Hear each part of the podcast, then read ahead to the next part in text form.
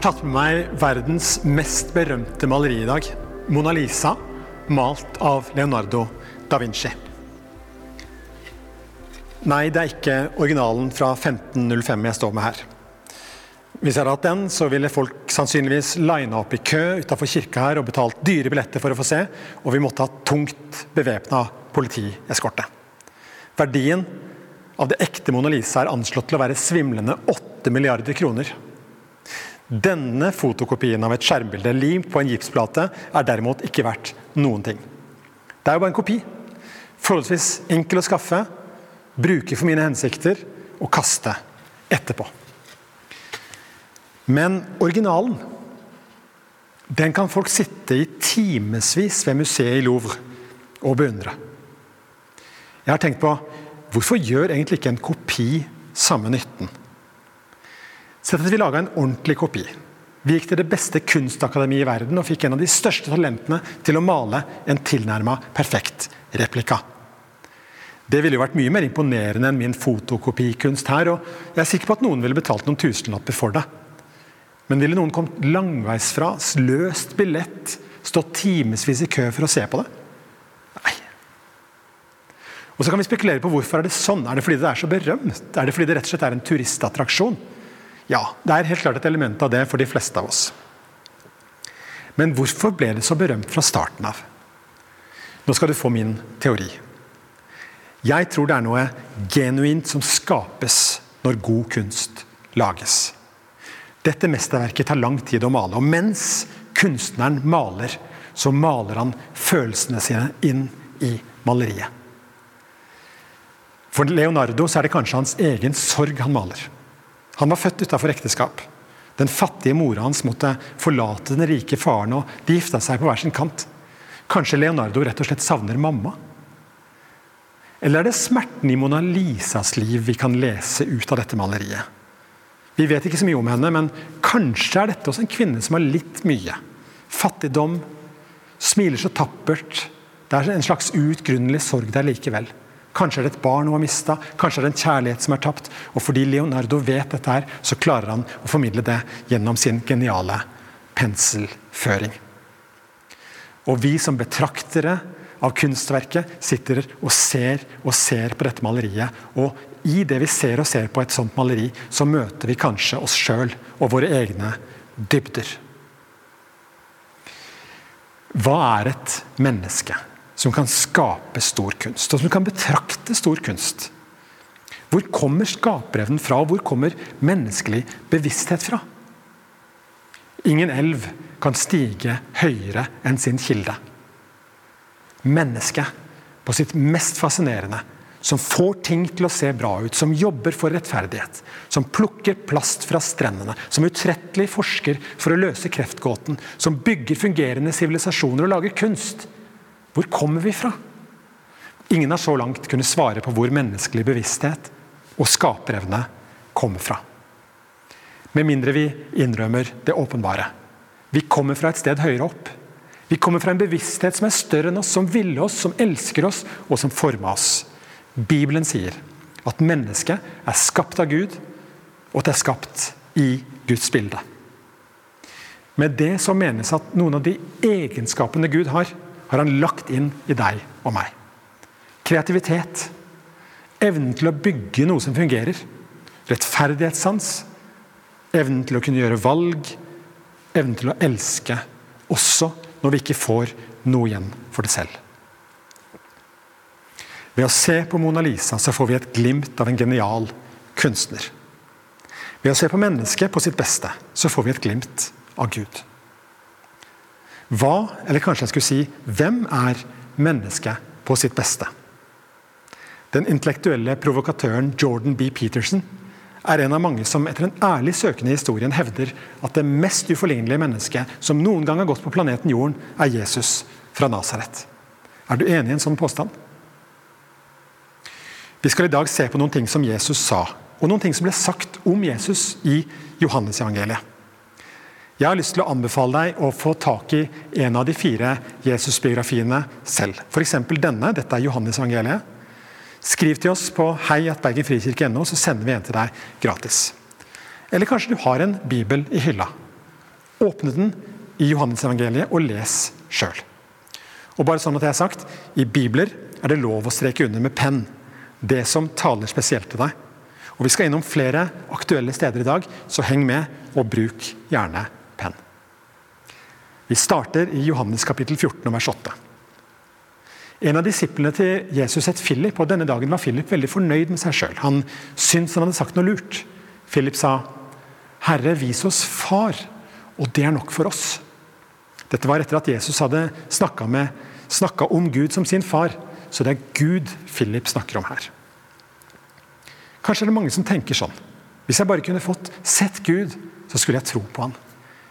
Hvis jeg kunne fått sett ham bare et glimt, så hadde det vært nok for meg. Jeg skulle trodd på han, omvendt meg til han, levd livet mitt for han. Herre, vis oss Far, og det er nok for oss, sa Philip. Det blir liksom ikke frommere enn det.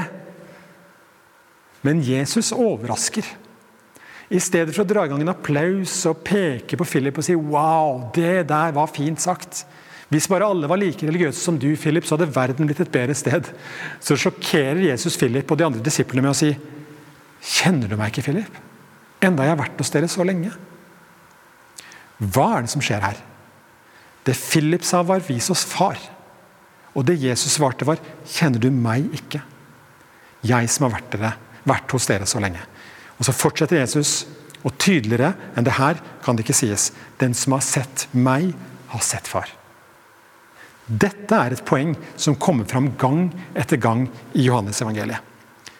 Vil du vite hvem Gud er, så sjekk ut Jesus.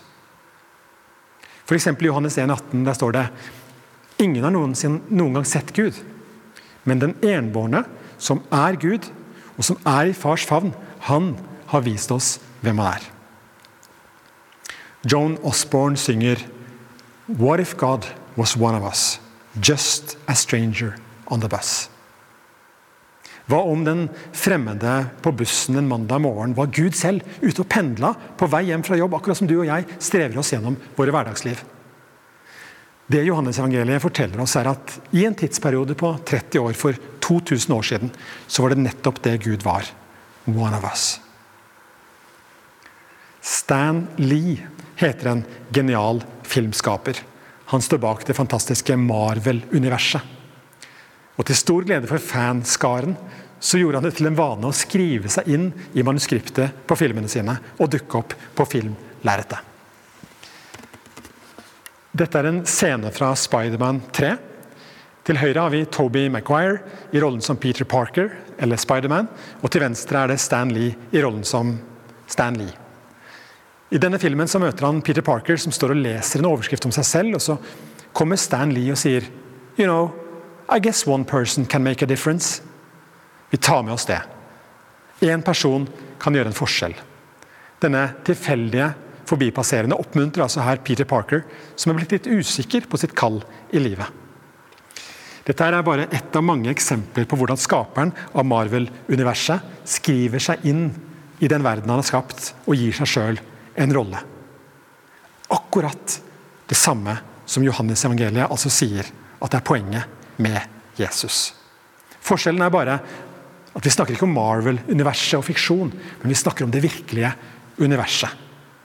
Og tenk på det, Hvis det fins en gud, og det tror jeg altså at det gjør, hvorfor skulle han ikke avlegge sitt skaperverk et besøk? Og Hvis han først skal besøke oss, så må det jo bli som en av oss. Det hadde ikke hjulpet oss mye om han kom som en maur, eller som en løve. Eller om han kom i sin egen for oss usynlige og kanskje litt skremmende majestetiske skikkelse. Det er på en måte logisk at hvis han skulle kunne leve seg inn i våre liv og kunne redde oss, så måtte han bli født som en av oss. Bibelens samlede fortelling om Guds store kjærlighet til sitt skaperverk er at han gjør nettopp det. Gud blir menneske når Jesus blir født. En gang sa døperen Johannes om Jesus Midt iblant dere står en dere ikke kjenner. Kan det være sant om vår tid også? At han som en gang gikk iblant oss fysisk, fortsatt er midt iblant oss på en litt annen måte? Kanskje er Jesus fra Nasaret midt iblant oss, og så kjenner vi han ikke. Er han bare en fremmed på bussen, enda han kunne vært så mye mer enn det i ditt liv? Philip sa, 'Vis oss Far, og det er nok for oss.' Og Jesus svarte, 'Så lang tid har jeg vært blant dere, og du kjenner meg ikke.' Vi kunne kanskje si, 'I 1000 år har kristendommen vært i Norge.' Trykkunsten har dere hatt i 500 år, og Bibelen har du tilgjengelig, og du kjenner meg ikke. I Johannes 12 så står det Men Jesus ropte ut, den som tror på meg, tror ikke på meg, men på ham som har sendt meg. Og den som ser meg, ser ham som har sendt meg. Som lys er jeg kommet til verden, for at ingen som tror på meg, skal bli i mørket. Hva slags mørke snakker vi om her? Tidligere i vår så snakka jeg med en forholdsvis ny kristen som heter Anita. Og Før hun møtte Gud, så kunne hun overhodet ikke tenke seg å bli en kristen. Hennes inntrykk var at kristne sin jobb var å dømme andre og finne feil hos andre. og påpeke disse feilene, og Hun tenkte det var en grusomt kjedelig og strevsom jobb. Det var først når Anita leste Det nye testamentet sjøl at hun så at det motsatte var tilfellet. Kristendommen handler om Guds kjærlighet til oss og vår kjærlighet til hverandre.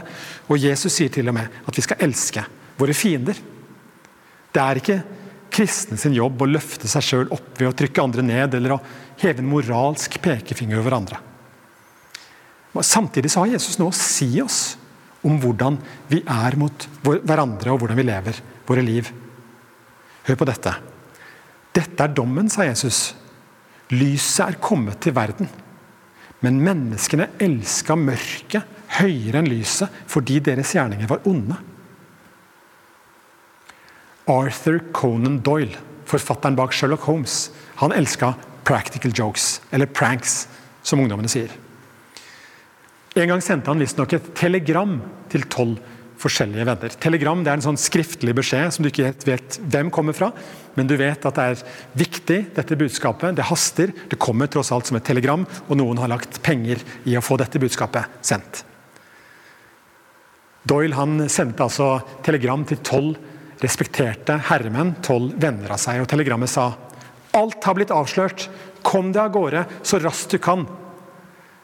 Det fortelles at i løpet av timer så hadde alle, alle tolv forlatt landet. Ja, det er sikkert en overdrivelse. Jeg vet ikke hva i ditt liv som eventuelt ikke skulle tåle dagens lys. Men tenk på dette. Hvis du og jeg er skapt av Gud, så er vi originale kunstverk. Ingen har lov til å bruke og kaste verken oss sjøl eller andre. Og heller ikke resten av skapverket kan vi bare utnytte og herje med som vi vil. Sånt vil vi bli holdt ansvarlig for. Men så kommer ikke Gud til oss i dag med en moralsk pekefinger. Han kommer med en invitasjon. Han sier til deg, 'Jeg kjenner deg, og jeg vet alt om deg.' 'Det er tross alt jeg som har laga deg.' 'Du er fantastisk flott, og du er også full av feil og mangler.' 'Likevel elsker jeg deg og vil ha fellesskap med deg.' Han som går midt iblant oss, og som er den vi kanskje ikke kjenner. Han er det Guds lam som bærer verdens synd, sier Johannes. Han kom for å redde oss, og det gjorde han ved å sone for våre synder på korset og betale prisen for å vinne oss over til seg. Invitasjonen er tydelig, og du får den i Johannes 1,12. Han kom til sitt eget, men hans egne tok ikke imot ham. Men alle dem som tok imot ham, dem gav han rett til å bli Guds barn, de som tror på navnet hans. Denne invitasjonen gjelder deg, og den gjelder meg, uansett bakgrunn, uansett hva vi har fått til her i livet, eller ting som har gått i stykker for oss. Dette var dagens budskap. Kanskje har du hørt på meg nå og så tenker du det jeg har hørt nå var interessant, men det er ikke noe for meg. Jeg hadde ingen relasjon til Jesus før denne talen, jeg har det heller ikke nå, men jeg vet i hvert fall litt mer om hva det er jeg ikke tror på. Til deg vil jeg si takk for at du hørte på. Andre av dere som har hørt meg, tenker kanskje dette her er det noe i. Jeg har lyst til å finne ut mer. Bestill et Johannes-evangelium, eller finn det i Bibelen din. Start en prosess hvor du bestemmer deg for å finne ut mer om hvem han er. Og så er det noen av dere som er klar til å ta imot Jesus som din frelser. Her og nå, der hvor du sitter. Til deg vil jeg si, lytt til sangen som kommer nå. Send en bønn opp til Jesus mens du hører på. Han ønsker, uansett hvem du er, uansett hvor du er, å, å ta imot deg sånn som du er. Invitasjonen er gitt. Du er velkommen.